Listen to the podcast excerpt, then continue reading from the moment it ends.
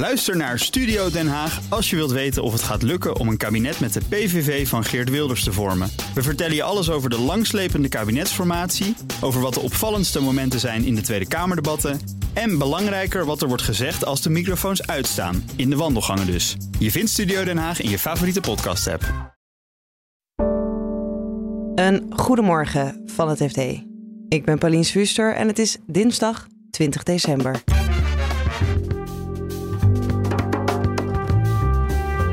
De Nederlandse bank voorspelt dat de huizenprijzen gaan dalen. En dat is geen populaire boodschap. Kijk, als je als Nederlandse bank als eerste gaat zeggen... nou jongens, wij denken dat de klad in de huizenmarkt komt... Uh, dan denken mensen, oh jee, ja, het is een uh, serieuze instantie die dat zegt. En de 40-plussers zitten straks met een pensioengat. En dat moet adequaat opgelost worden. Ja, maar adequaat kan dus van alles zijn. Het is ja. niet duidelijk wat adequaat precies is. En het hoeft ook niet per se als pensioenpremie opgelost te worden. Dus het mag ook op een andere manier. En het kan ook nog dat het gewoon een stukje niet opgelost gaat worden. Dit is de dagkoers van het FD. In juni verwachtte de Nederlandse bank nog dat de huizenprijzen gematigd zouden doorstijgen. En nu zeggen ze, zowel in 2023 als in 2024 gaan de prijzen met ruim 3% dalen.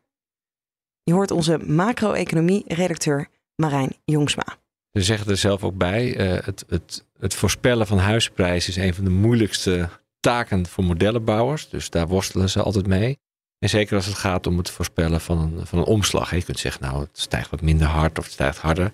Maar echt voorspellen dat het van een, een, stijging naar een daling gaat, dat is altijd heel lastig. En je ziet eigenlijk ook dat de Nederlandse bank, maar ook heel veel commerciële banken, die zijn het pas gaan voorspellen nadat de prijzen ook al een beetje aan het dalen waren van maand op maand.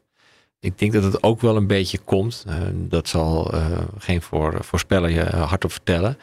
Maar ik denk dat er wel een soort vrees is altijd om als eerste te zeggen: ja, wij denken dat de huizenprijzen gaan dalen. Want mensen die gaan dan zeggen: van ja, nou die is lekker. Ja, als jij zegt dat het gaat dalen, ja, dan gaat het ook dalen. Dus er is altijd het gevaar ook dat je het verwijt krijgt dat, het, dat je een deel bent van de oorzaak. Ja, en wat is nu de economische oorzaak waardoor ze denken dat de prijzen gaan dalen? Nou, de belangrijkste oorzaak is uh, de stijgende rente. Uh, waar overigens de centrale bank zelf als onderdeel van de Europese centrale bank debet aan is. Uh, we betalen gewoon fors meer voor, voor onze hypotheek. Um, en dat betekent simpelweg dat je als nieuwkomer op de huismarkt, of als, als nou ja, in ieder geval als je een ander huis gaat kopen, dat je gewoon meer kwijt bent en dus ook minder kunt gaan bieden.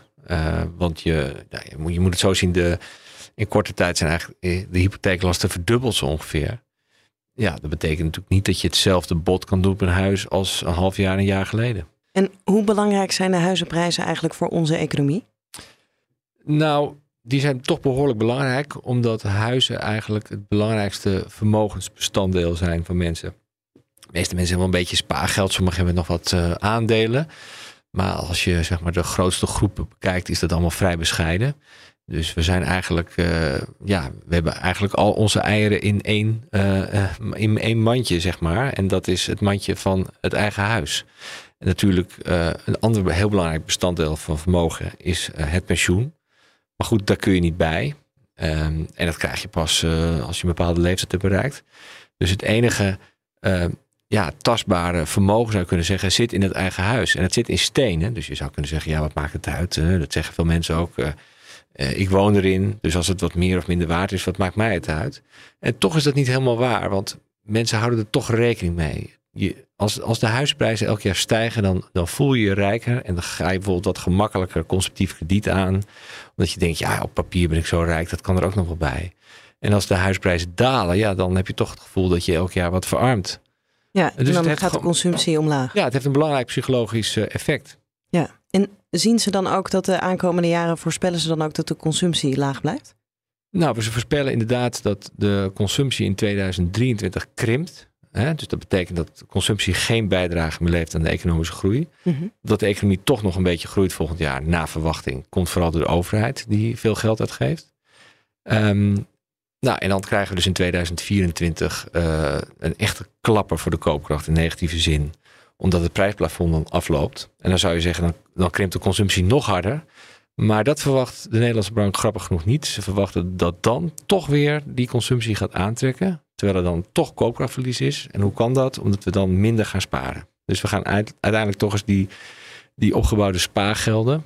Want we hebben wel meer gespaard sinds de coronacrisis. Uh, Dus mhm. kennelijk aan, uh, aangrijpen om onze consumptie weer ietsje op te schroeven. Niet zo heel veel, maar toch. Ja, terwijl je zou denken als de rente dan ook hoger is, dan heb je meer incentive om te gaan sparen.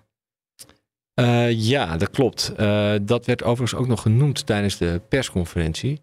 Um, dat ja, oké, okay, uh, de rente stijgt, dus we betalen meer voor onze hypotheek, maar we krijgen ook meer rente op de spaarrekening.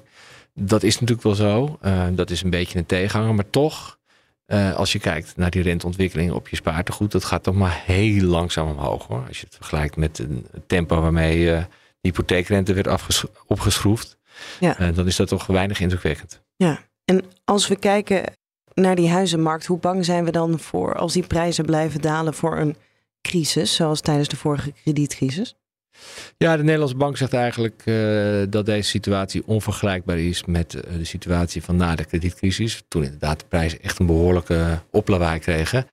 Een van de redenen waarom ze dat denken is dat de arbeidsmarkt heel krap is. Dus de werkloosheid zal na verwachting althans niet al te veel oplopen. De loongroei is ook wel stevig. Dus met andere woorden, als mensen hun baan houden en er ook nog wat bij krijgen, zullen ze niet snel in een situatie terechtkomen waarbij ze hun huis moeten verkopen. Dus dat, dat is een voordeel. Ja. Tegelijkertijd, wat ook een rol speelt, is regelgeving. Uh, je mag uh, minder lenen dan vroeger. Uh, dus de, een hele groep mensen die zeg maar na die strengere regelgeving op de woningmarkt is gekomen, die hebben verhoudingsgewijs niet zulke enorme leningen als, als nieuwkomers eerder. Ja, er dus staan minder snel huizen onder water. Daarom, precies. Ja. En je moet ook niet vergeten, we hebben natuurlijk een enorme prijsstijging achter de rug. En dus er moet wel heel wat gebeuren, willen mensen echt onder water komen te staan. En de overstap naar een nieuw pensioenstelsel slaat een miljardengat in de pensioenen van 40-plussers. Politiek verslaggever Martine Wolzak legt uit waarom er wordt afgestapt van het oude systeem met de doorsneepremie. En die doorsneepremie, dat houdt nu in dat je als jongere eigenlijk een beetje uh, ja, meebetaalt aan het pensioen van oudere werknemers. Waardoor je dus minder pensioen opbouwt dan je voor je premie eigenlijk zou moeten krijgen. En in, in principe, uh, ja, daarom heet het ook doorsnee, uh, draait dat heel mooi rond. Hè? Als je altijd evenveel jongeren en evenveel ouderen hebt en die blijven hun hele leven bij hetzelfde pensioenfonds zitten. Nou, dan als jongere ben je eigenlijk een beetje te veel aan het betalen. Maar je weet, straks word ik wat ouder en dan betaalt er iemand voor mij. Zo zit de wereld alleen niet in elkaar. En dat is waarom ze er vanaf willen. Bijvoorbeeld, ja, mensen die, uh, nou ja, uh, dat gebeurde bijvoorbeeld tijdens de kredietcrisis. Had je heel veel bouwvakkers die verloren hun baan. Waren al die tijd in loondienst geweest tot hun 40ste, 45ste. Kwamen daarna niet meer ergens aan de bak. Zijn voor zichzelf begonnen. Ja, die hebben dus al die tijd te veel betaald. En die krijgen dat niet terug. Nou, het idee is, daar moeten we vanaf, zeker in zo'n flexibele arbeidsmarkt. En dan komt er een gat voor de 40-plussers door. Nou ja, dat is dus van als je dan, neem die bouwvakker nog een keer. Eigenlijk gaan we dat dus nu voor alle 40-plussers doen. En we zeggen van nou, er is straks geen jongere meer die voor jou dat extra beetje premie betaalt. Maar ja, jij bent wel nog steeds pensioen aan het opbouwen. Dus wie gaat dan dat stuk in jouw pensioenpotje stoppen? En je bent straks individueler pensioen aan het opbouwen, dus het kan nergens anders meer vandaan komen. Nou, dat probleem moet voor die groep opgelost gaan worden. En dat gaat om veel geld. En hebben we een idee hoeveel geld dan precies, hoe groot dat gat is? De Tweede Kamer wil dit dus ook al de hele tijd van minister Schouten weten.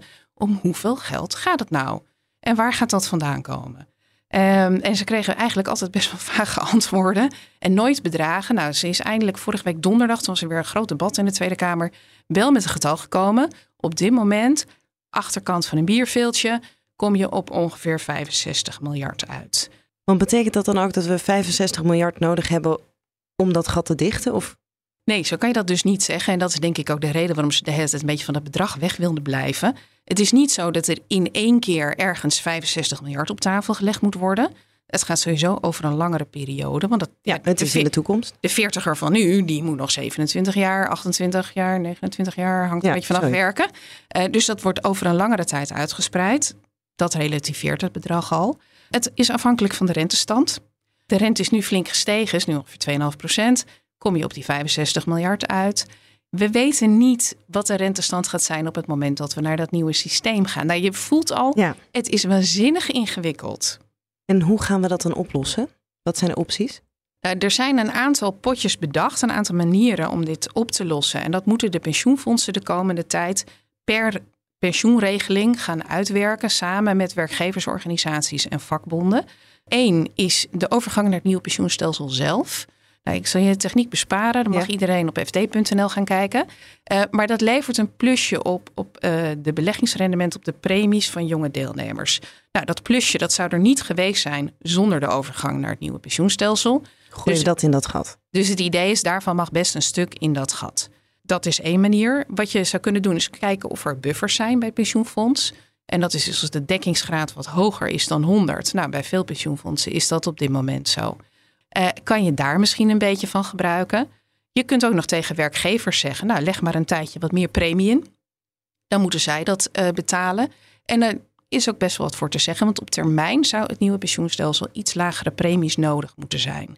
Dus dan kan je zeggen, nou, dan moet je nu even iets meer betalen, maar straks ben je goedkoper uit. Nou, Ja. Veel werkgevers staan daar niet om te springen. Ehm, nou, je weet, het gaat niet geweldig. Eh, we verwachten allemaal dat er een recessie aan gaat komen. Eh, ze moeten de lonen al fix verhogen. Dus ik niet heel veel zin hebben om nog veel meer premie in te gaan leggen. Maar die strijd die zal dan wel gevoerd gaan worden. En je kunt ook nog zeggen, nou, we doen, geef je gewoon een beetje extra loon. Of een leuke mooie leaseauto. Want eh, het is niet verplicht dat het in het pensioendomein, zoals dat dan heet, opgelost wordt. Maar dan dat moest dus... wel adequaat worden opgelost, toch? Ja, maar adequaat kan dus van alles zijn. Het Ja. is niet duidelijk wat adequaat precies is. Eh, en het hoeft ook niet per se als pensioenpremie opgelost te worden. Dus het mag ook op een andere manier. En het kan ook nog dat het gewoon een stukje niet opgelost gaat worden. Maar hoe kom je politiek dan, hoe staan ze erin? Hoe kom je tot een consensus over iets wat zo abstract en haast boekhoudkundig voelt? Nou ja, dat, daar hebben ze dus ook echt wel de afgelopen maanden enorm mee geworsteld. En daarom liggen er ook vandaag nog een aantal moties op tafel in de Tweede Kamer. Eh, waarbij nou, bijvoorbeeld VVD en SGP de minister in ieder geval oproepen heel goed te monitoren, vinger aan de pols te houden. Gaan al die wat oudere werkenden nou wel straks voldoende pensioen opbouwen? Wordt daar een oplossing voor gevonden? Eh, maar er zijn ook partijen, eh, nou, bijvoorbeeld Denk, BBB, Ja 21, eh, Goud, die gewoon zeggen van ja, dit moet je niet doen. Ga maar gewoon helemaal niet over naar dat nieuwe pensioenstelsel als je dit probleem niet helemaal opgelost hebt. En ook vanuit bijvoorbeeld SP, PVV is altijd heel veel kritiek hierop geweest. En die moties die komen eerst eh, vandaag ter stemming en dan donderdag de hele wet. Is er nog veel kans dat dit probleem ervoor gaat zorgen dat de wet uiteindelijk donderdag wordt weggestemd? Nee, dat denk ik niet. Ik denk dat de meeste partijen inmiddels er wel vertrouwen in hebben dat het adequaat opgelost kan worden per pensioenfonds. We zullen alleen gewoon nog een tijd moeten wachten voordat we dat zeker weten. En dat maakt het natuurlijk heel vervelend. En er zullen ook zeker mensen zijn waarvoor het niet adequaat opgelost gaat worden. Maar ja, zoals we aan het begin al zeiden, dat gebeurt nu eigenlijk ook al. Hè? Die 45-jarige bouwvakker die op straat komt te staan, zijn of haar pensioengat, meestal zijn, is ook niet opgelost.